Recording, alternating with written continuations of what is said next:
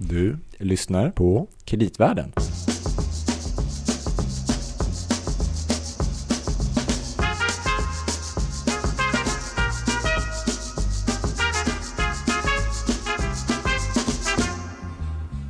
Praktiskt taget all vår moderna teknik är helt otestad i verklig miljö.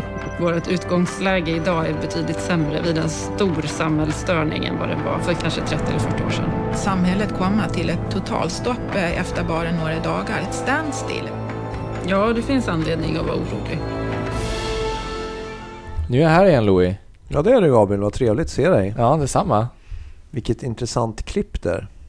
Ja, Är det lite obehagligt nästan, eller? Tecken i tiden, är det det? Ja, eller vi sa precis det att eh, jag tycker man märker mer och mer på fester och andra sammanhang att man börjar jämföra sina vattendunkar. Har du också märkt Brukar det? det? Brukar det du går Nej, på jag har ingen än. Nej. Jag har ingen, eller det kanske man inte ska avslöja att man inte har någon vattendunk i förrådet, men jag har ingen. Nej. Men jag hör det mer, du hör inte det? Nej, Jag går inte på fest så ofta. Nej, okej.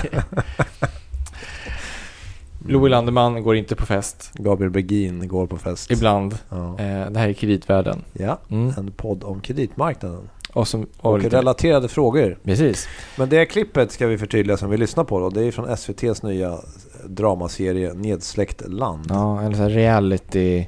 Reality-såpa. Ja. För vi har ju en prominent gäst idag. Mm. Eh, och då brukar vi kanske spela upp någonting snarare från Davos. Ja, precis. Det Eh. kanske vi ska göra också. Ja. Eventuellt. Men eh, utifrån de, den här stora riskprognosen som görs från World Economic Forum när man pratar om vilka stora risker står världen inför. Precis. Och då börjar vissa förstå vilken gäst vi har idag tror jag. Precis. Vi återintroducerar Thomas Ris. Välkommen tillbaka. Jo, men hej, hej, tack. Det är trevligt att vara här. Välkommen. Du är väl fortfarande lektor i strategi och säkerhetspolitik vid Försvarshögskolan? Det stämmer, ja. Mm. Mm. Kont- Kontrollfråga. Men eftersom det ändå har blivit så att säga ett tecken i tiden eller det är en snackis så behövde vi inte gå så- till Davos utan det räckte med att vända sig till SVT för att få Ja. en känsla för riskbilden. Precis, för att vi tycker att det är så fint att ha det här och prata om de här säkerhetsfrågorna och säkerhetsrisker som vi ska prata mycket om. Eh, Men det här med att, är det ett tecken i tiden det här med att SVT gör en sån här serie? Ja, jag Hur skulle ska tro... man klara sig utan ström? Ja, just det. det, alltså det jag skulle säga det är absolut ett tecken i tiden. Det förvånar mig. Jag, jag hade inte hängt med här, så jag visste inte att de gjorde det. Men på två sätt. Det ena är att jag förmodar att de har märkt att det, det finns en större publik för det här. Att det finns ett intresse för det här. Och det andra sen är att det, det är också ganska värdefullt för Sverige. Om det ökar lite medvetenheten om de här olika riskerna som kan uppstå. Men då utan att det uppstår en överdriven panik, ångest. Det är på Man- samma tema så att man skickar ut de här broschyrerna om, Ja, om kriget kommer igen. jag skulle tro det. Mm. Alltså förra sommaren så fick vi den här broschyren som ingen har läst tror jag. har, ni, har ni eh, pratat om det på era fester Gabriel? Var det närmaste skyddsrum ligger? Eh, de flesta tycker, tycker nog att deras källarförråd räcker. Jag vet inte riktigt om om man skulle hålla beror på hur med. stort källarförråd man har. Men är man tokig om man har en 70 liters dunk med vatten i förrådet? Nej, absolut inte. Absolut inte. Och orsaken, orsaken är den att det kostar ingenting. Fullkomligt gratis. Lite besvärligt. Fylla på den och sen kanske byta ut vatten en gång i månaden eller något sånt. Kostar ingenting. Det är fullkomligt gratis. Men om det skulle bli så att strömmen inte går, ja utan ström får vi inget vatten. Eh, Och då kan de där 70 liters dunkarna vara otroligt värdefulla. Speciellt som jag läste någonstans att de här skyddsrummen, det kan bli så 27 grader varmt och så. här. Oj. Tänkte jag, då måste man ha mycket Ja. vatten med sig. Ja, ja, ja. Mm. Eller om vi bara sitter hemma i våra våningar och behöver sköta oss. Jag bor själv på landet och vi har, jäm, vi har strömavbrott med, med jämna mellanrum på vintern. Ja. Och då lär man sig fort Mm. att, att ha det här. Men då är det rent praktiskt. Att då har man stearinljus och Men det är väl som vi har pratat om tidigare, att man är kanske generellt lite bättre förberedd på landet än i stan. Ja, man är, man är det. Man är det. Och folk har större matförråd. Om, om inte annat bara för att det går och handlar en gång i veckan och sånt.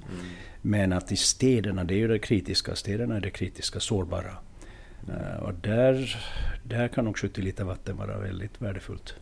Hur ska man se på det här med sårbarheten i vårt samhälle? Kan, kan man tycka att den ökar alltjämt? Eller jag tänker till exempel, jag tänkte själv på det här med Jag tror jag till och med det har varit något riksdagsseminarium om kring vårt betalningssystem. Att det blir mer eh, kontantlöst. Eh, och då kanske man bygger in en sårbarhet till exempel. Ja, ja. Det är alltså alltid svårt att säga. Alltså, det blir mer sårbart. Eh, men samtidigt blir det också mer effektivt, snabbare. Jag menar man kunde gå tillbaka till den tid när vi inte hade kontanter och liksom bytte vara mot varor. Det är ganska Mm. robust. Men jag menar det var otroligt ineffektivt. Mm. Eh, och sen gick vi över till kontanter och nu ska vi gå över till elektroniska betalningsmedel. Eh, det är sårbart men vi går åt det hållet. Och då är det en fråga om hur medveten man är när man bygger upp de här systemen om riskerna. Vad man har för fallback-system. Hur Mm. man säkrar att, hur man skyddar systemet. Eh, Och det, blir otro, det blir otroligt viktigt. Och där kan man tänka sig att ett problem som vi har haft de sista 15 åren är just den här övergången till hypereffektiva ekonomiska och tekniska system. Och de är bra för oss konsumenter. Vi får mycket mer varor mycket billigare, mycket snabbare. Men de är mer sårbara. Har, Men, men har man tänkt på det här nu då? Om vi tar betalningssystemet. För det känns som att vissa saker bara utvecklas. Och sen nu börjar man diskutera kring det här kanske är, finns lite nackdelar här också. Men då är det ju redan för sent. säga. Vissa saker blom- blomstrar nog fram av sig själv. Mm. Som bitcoins och, och swish och sånt där. Men sen när man ska övergå till ett helt system som när till exempel Sveriges Bank säger att man ska börja titta på att, att utveckla ett helt elektroniskt betalsystem. Ja, då, då måste man tänka igenom mycket djupare. Och där är, jag är inte insatt i det här. Men jag har en allmän känsla av att man inte har tänkt igenom allt ännu. Men är man, har, vi, har man varit för tillitsfull under de senaste Ja. 20-30 åren? För att det finns väl olika risker. Dels kan det ju vara rent tekniska problematik, att saker kan gå sönder. Men sen finns det ju andra som vi brukar prata om med dig också, liksom de säkerhetspolitiska riskerna. Ja.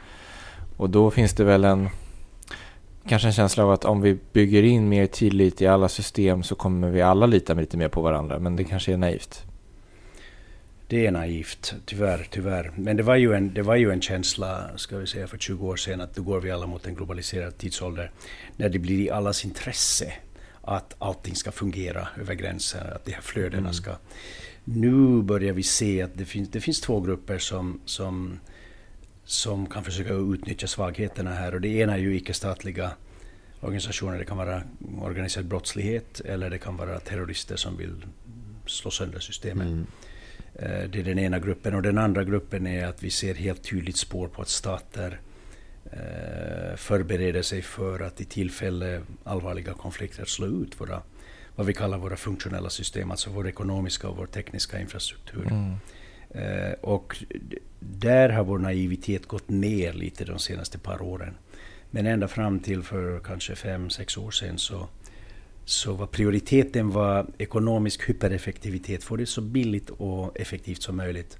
Men det innebar mycket större sårbarhet. Mm. Eh, Men det här kring då vår säkerhetskapacitet. Som du säger att det kanske börjar ske lite omsvängning. Nu pratar man ju om att man kanske ska öka anslagen till försvaret och så här framöver. MSB pratar man om behöver efter skogsbränderna. Men är det uppfattningen att det sker någon riktig upptrappning eller? Ja, läget är oerhört svårt. För att eh, å ena sidan så har staterna nu allt mindre pengar. Mm. Alltså BNP-tillväxten är, är lägre. Och sen har vi ett tendens att krångla till saker. Så saker som vi kunde sköta ganska billigt tidigare så gör vi mycket dyrare nu. Hur Alltså du? offentliga sektorn. Ja, okej. Mm. Ja, absolut. Ja, men då tal- talar jag bara om den här admi- ad- massiva administrativa bördan Mm. som påförs allt från poliser till sjukskötare till, Mm. till liksom hela systemet som tar upp till 50 procent av polisens arbetstid. Och så, så är det liksom vansinnigt. Mm. Så det här, är liksom, det här det blir mycket mindre effektivt. Eh, Men, men det är det ena, att staten har mindre pengar. Och sen å andra sidan så har vi plötsligt blivit medvetna om att vi står inför mycket större utmaningar. Så att, och, och, och det tredje sen är att nu har vi samhällen som har blivit allt mer missnöjda för de har märkt att offentliga tjänster har blivit sämre. Så de vill ha bättre sjukvård, Mm. bättre dagis, mera poliser. Och samtidigt ska vi då bygga in nya, eller finansiera nya säkerhetssystem som återuppbygger ett försvar. och sen bygga ett civilförsvar som MSB har ansvar för. Mm. Och det kostar, allt det här kostar. Så det finns inte riktigt pengar till allt det här. När vi såg försvaret, det var, någon här, det var någon typ av långtidsprognos eller bedömning så såg jag att de pratade om att de anser att vi skulle behöva fördubbla försvarsanslagen. Ja. Mäktar, vi- mäktar vi med det? Ja, det? alltså det, det, som, det, som vi har sett och liksom det positiva att nu finns det en medvetenhet och en vilja från, Mm. från den politiska ledningens sida. Men problemet är just det här, var ska man få pengarna ifrån? Och det som vi hittills har sett är att, att man har sagt att man ska bygga upp mera men finansieringen har inte följt efter ännu. Och det, det, det kom ju en del eh, nu i, i, i Selen eh, i Ja, år, just alltså det. den här storsäkerhetspolitiska konferensen uppe i Dalarna. Eh, Där, där man konstaterar just att finansieringen har inte hängt med.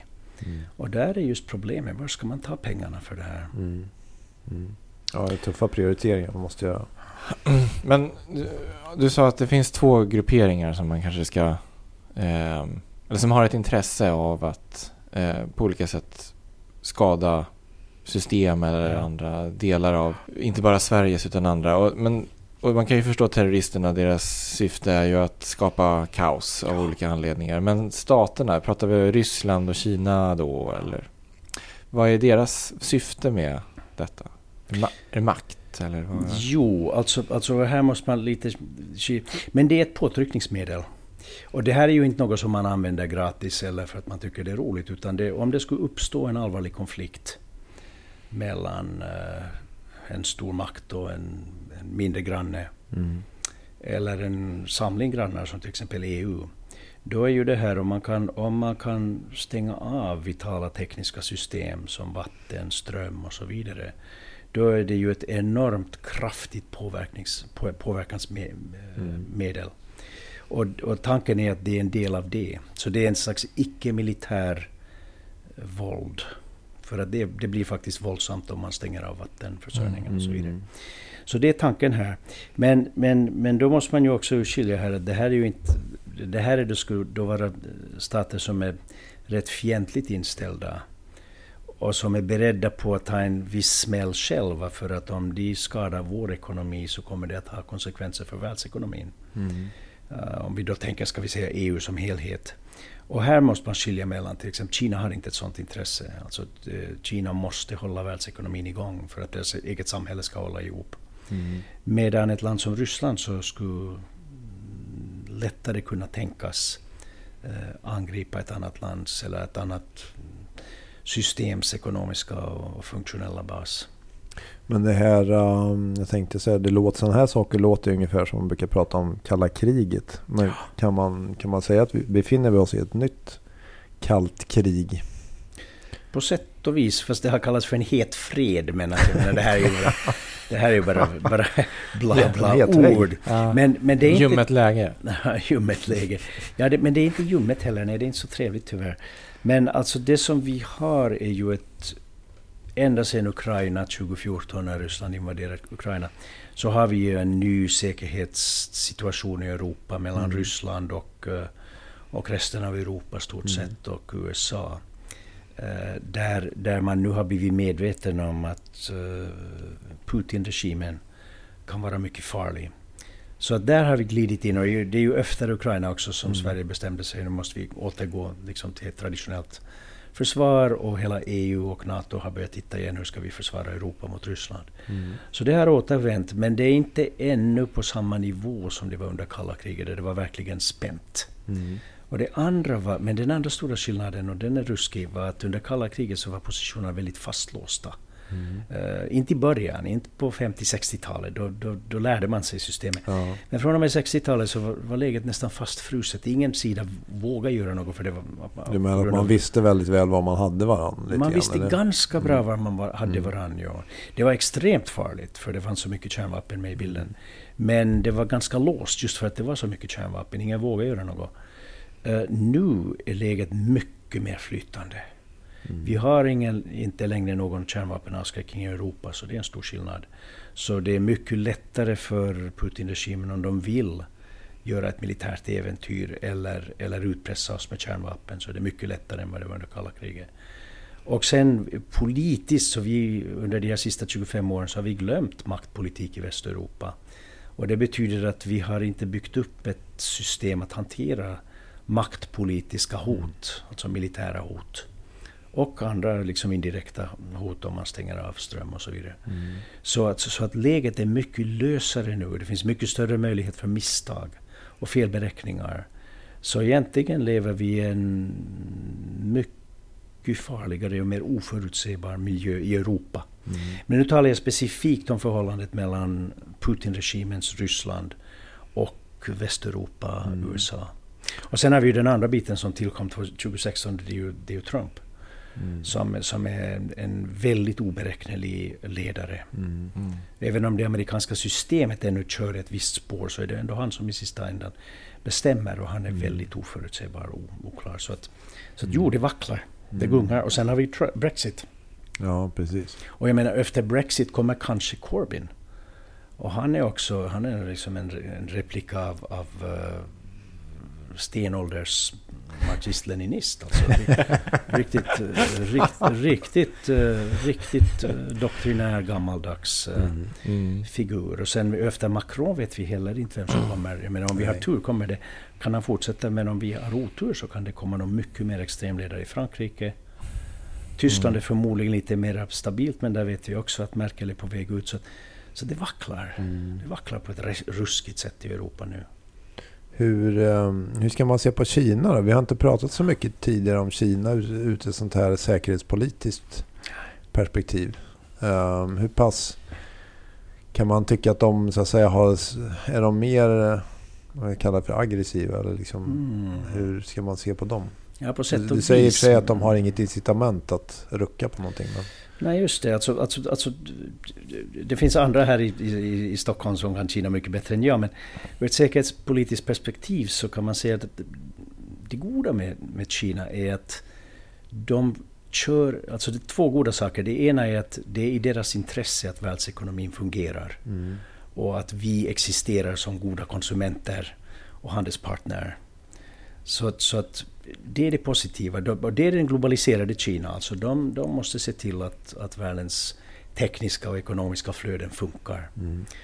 Och där har vi gemensamt intresse. Och det andra positiva med Kina är att de har en långsiktig, ganska stabil politik. Långsiktig politik. Och de, de är försiktiga, eller den här ledningen är försiktig. Så det är det positiva om man vill. Mm. Det, det, det, det svåra för oss är att Kina, Kina har, eller ska vi säga den nuvarande kinesiska regimen, kommunistledningen under Xi Jinping, har en, de har deras egna vitala intressen som skiljer sig ganska mycket från våra.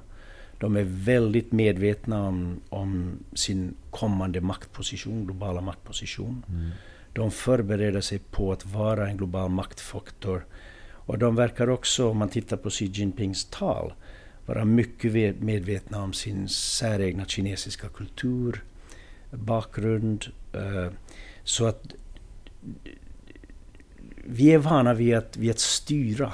Mm. Och det kommer vi inte att kunna göra längre. Desto mer Kina växer så desto mer kommer de att vilja vara med. Och egentligen är det helt berättigat med att, med att bestämma villkoren för hur världen utvecklas. Men mm, det känns ju nu på sista tiden och kanske delvis via då Trump och det här med Huawei. Att de fängslade den här finanschefen och så vidare. Men att det har blivit även i Sverige en debatt kring jaha, 5G. Mm. Eller hur, hur ska vi se på att en kinesisk leverantör kanske har de nätverken och så vidare. Och den debatten har ju inte, den har man ju inte sett tidigare. Nej. Så det känns det som att här har det skett någonting. Ja. Nå, eh, men jag skulle säga igen att det här är väldigt sunt att vara medveten om de här Mm. farorna. De finns. Å andra sidan betyder det inte att vi ska sätta upp murar och vägra. Vi måste hitta en kompromisslösning med kineserna. Mm. Eh, Vi måste hitta ett sätt att kunna eh, ha kompatibla eller gemensamma tekniska system. Men samtidigt måste vi vara medvetna om hur vi ska skydda våra Man vitala intressen. pratar ju om att det är någon ny underrättelselag i Kina som driver på det här då. Att det skulle öka risken att ett bolag som Huawei skulle vara tvungen att jobba åt den kinesiska nationen. Vilket jag kanske i och för sig har trott att de har gjort hela tiden. Men, Ja, men det står väl så här. An organization or citizen shall support, assist in and cooperate in national intelligence work. ställer vissa krav på expats. Det ställer ju en hel del krav, just Ja. det.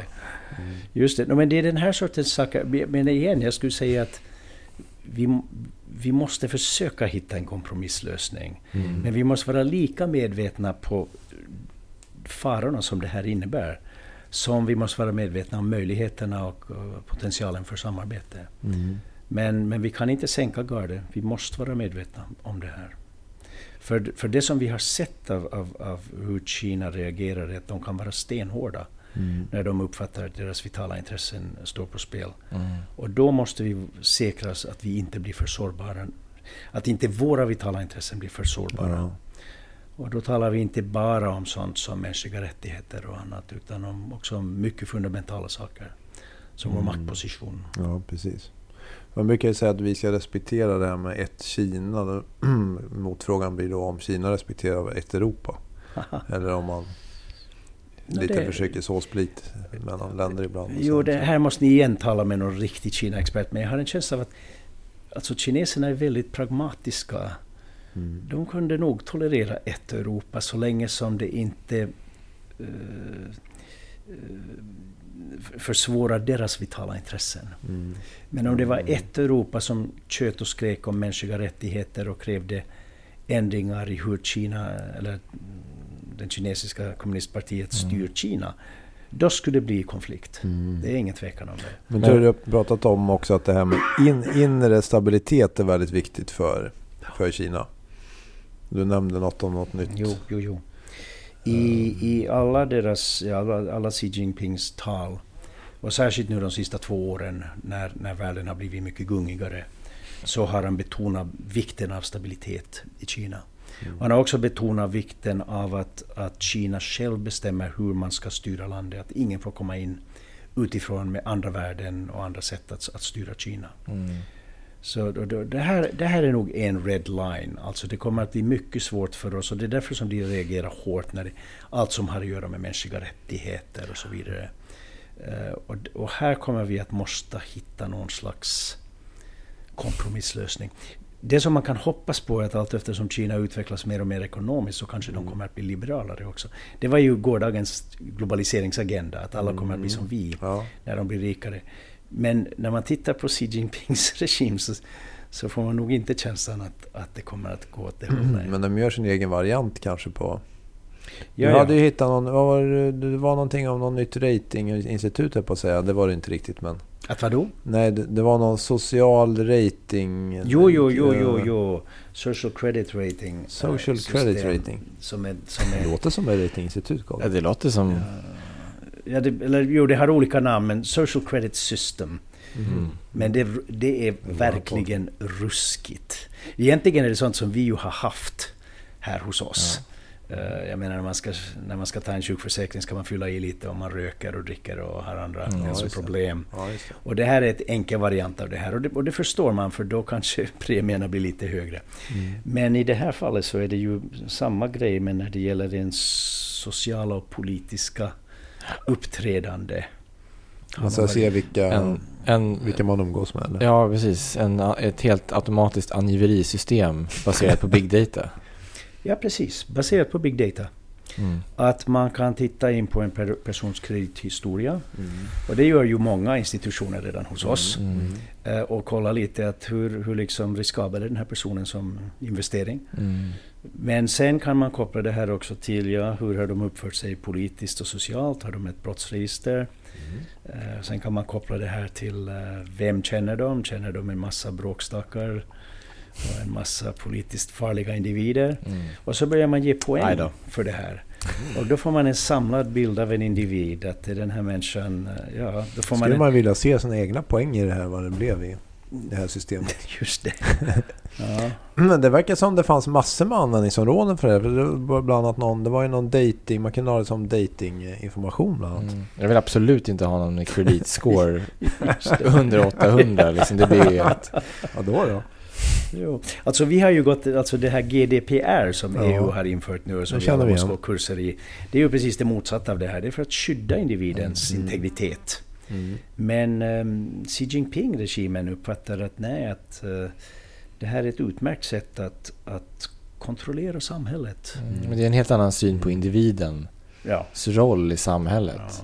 Och det som är intressant är det du sa om att, att det kan vara en, en, så att säga, en red line hur, att man inte vill att man ska gå in i Kina och ha åsikter om hur man hanterar sitt eget. Och när Kina har allt större intressen, dels har de ju i Afrika till exempel, men även i Europa. Om de då uppfattar att det som de kontrollerar är mark eller företag utanför även Kinas gränser. Är det också sånt som man inte får ha åsikter om då?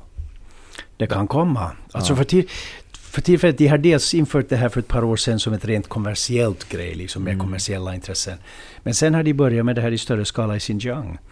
eh, Som ju då är en, en, en, en stor provins i, i, västra Kina som, där de har politiska problem för det är en stor, Mm. Ja, stor del av befolkningen som Mm. är icke han-kinesisk. Och, eh, och där har de börjat testa det här. Men det kan också bli, börja bli mer globalt. Mm. Och man kan mycket väl tänka sig att om det är individer här i väst som har varit antingen särskilt eh, bekväma för, för Xi Jinping-regimen eller, eller besvärliga, att de redan har börjat få lite poäng. Mm. Vem man gärna vill ha kontakt med, vem man inte vill ha kontakt med och så vidare. Hur man uttalar Mm. sig. Just det. Så det blir svårt att dra gränsen ja. mellan vad, vad som är Kinas angelägenhet och vad som är vår angelägenhet. Nå, det blir ju det. Mm. Särskilt, så, särskilt om vi blandar oss in i det som, som, som eh, kineserna uppfattar är deras vitala egna intressen. Mm. Så kan det bli, kan det bli krångligt. Mm. Ja, mm, men om vi, mm, om vi hoppar tillbaka till någonting som du sa lite innan där så pratade du om att Europa att det, det vacklar lite grann. Mm. Och är det så att de här, vad ska kalla det för, socioekonomiska problemen, eh, att de tilltar både i, både i Europa och i USA kanske eller? Ja, det ser så ut för tillfället. Och det hänger ju ihop med det här just att, att, att välfärdsstaten har blivit fattigare. Och att eh, därmed så har de offentliga tjänsterna blivit sämre. Och därmed börjar befolkningen bli surare. Mm. Och sen i viss grad också det här som man ju konstaterar i, i, i Christine Lagrande var väldigt upptagen av det här i Davos eh, i år. Och det är just också det här att realinkomsterna går ner Mm. för en stor del av befolkningen. Och då blir de surare också. Mm. Och, det, och samtidigt som det har skett en, en acceleration av liksom de högsta lönerna har blivit mycket, mycket högre. Mm. Och en stor del av befolkningen har fått långsamt lite, lite sämre realinkomster. Mm. Och den här kopplingen är också ganska explosiv. Och vi ser inte för tillfället att den här trenden eh, ändras. Men om den kommer upp på Davos-agendan, för det, Davos är just då en stor del näringslivet, Mm. så då kan det hända att man kan göra något åt det här. Hur ska man liksom se till att vi bevarar en, en ganska någorlunda nöjd medelklass? Men är det i, jag tänkte det, är det i näringslivets intresse då att engagera sig i Nå, det är just det, det, det, här, det, här, Mm. det är så långt som vi har kommit nu. Mm. Och Christine Lagrande säger att det är det.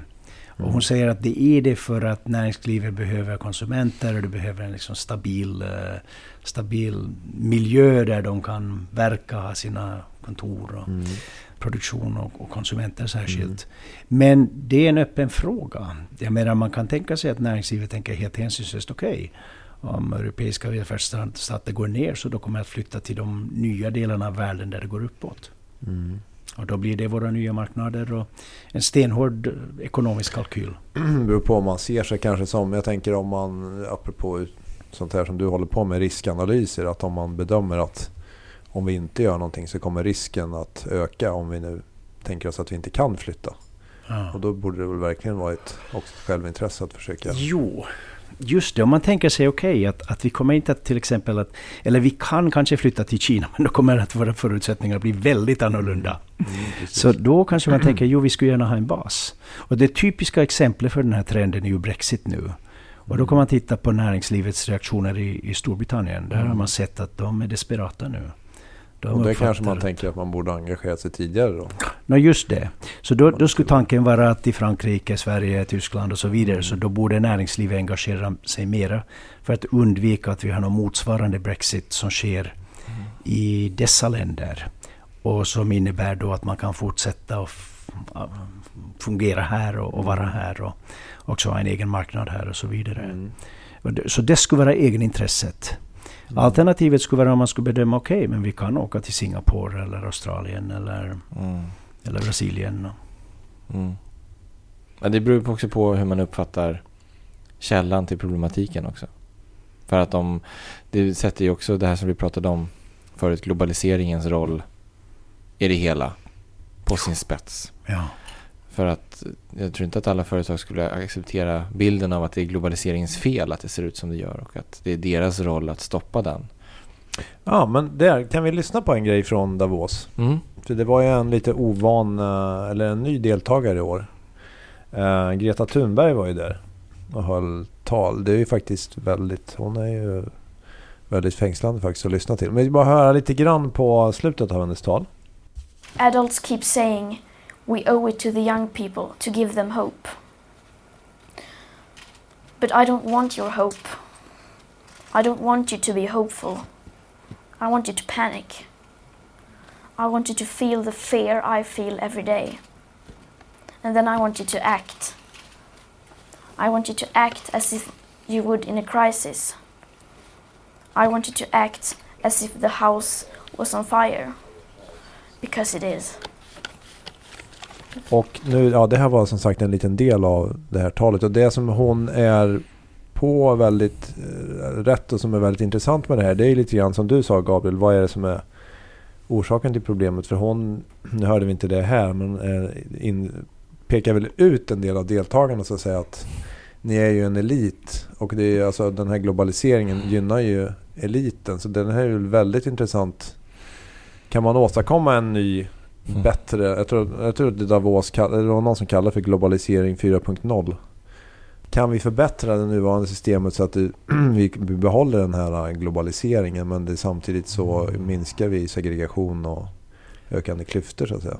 Jo, och det här är ju just den, den stora frågan. Kan, Mm. man, kan man liksom fine-tune Mm. systemet? Så att vi, för, att, för att globaliseringen i sig, den, i den meningen att det är mera kontakt och specialisering och utbyte med hela världen Mm.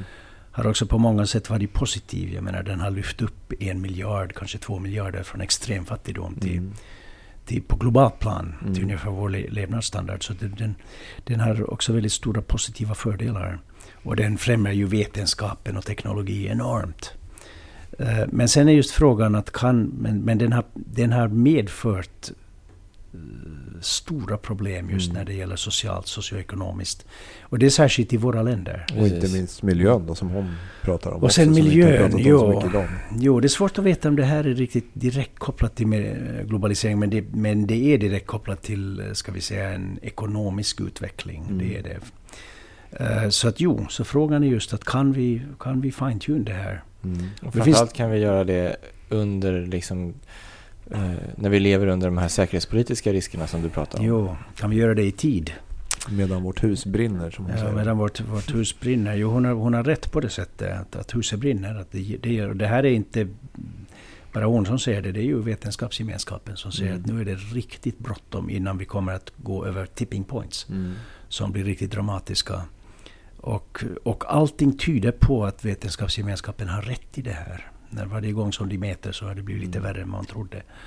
Så det är allvarligt. Så det här gäller, det här gäller vi att, titta, att vi måste titta på det. Men det finns två sätt att göra det. Det ena är att re- reglera hur vi uppför oss, hur vi konsumerar. Mm. Och det andra sen är teknologi. Att hitta mer miljövänlig teknologi Mm. som är mer skonsam. Det är de två stora lösningarna som vi har. Men man talar ju ren om, eh, var var det? Det var i Schweiz som man gjorde en studie. Att hur skulle, vad skulle det innebära om, eh, om matproduktionen går ner i världen och det håller den på att göra, eller den blir inte tillräcklig. Eh, Hur ska man då kunna äta, måste äta i Schweiz och så vidare? Då, då, ja, svaret var att man skulle, må- måste äta mycket mer sed och mycket mindre köttvaror. Mm. Inte, inte sluta med kött, men kanske en gång i veckan och så vidare. Så att, så att eh, vi går förmodligen åt det hållet. Mm. Men det, men det är väldigt svårt att tackla de här problemen innan de, de bryter. Innan de exploderar. Mm. För det är obeha- obekväma lösningar. Och det jag tänkte precis säga, det De är inte att- populära av att höja skatter nej, om vi säger så. nej, Nej. inte populärt. Nej, populära och också kanske ofta komplexa. Mm. Och extremt komplext, just det. Vilket väl gör det svårt under en, när det är pressat politiskt och geopolitiskt att Att genomföra komplexa reformer är inte... Men jag just tänker det. bara, nu, ja, men man såg med Macron försöka införa den här koldioxidskatten och folk går ut och bränner bilar och så vidare. Ja, precis. Och det finns folk och politiker som är villiga att gå ut dit och, och, och ge enkla lösningar som inte skulle fungera. Men som en stor del av en desperat befolkning lyssnar på. Mm. Så här har vi verkligen ett, ett enormt eh, problem. Mm. Så ökad eh, incitament för näringslivet att engagera sig i det här då kanske? Jag skulle tro det. Ja, jag skulle tro det. Absolut. Absolut. Det innebär också ett ökat incitament för näringslivet att samarbeta nära med den politiska ledningen. Just det. Som i Perfekt. den här podden Gabriel. Ja, Alltså i, i Sverige hade man ju den här Saltsjöbaden-uppgörelsen.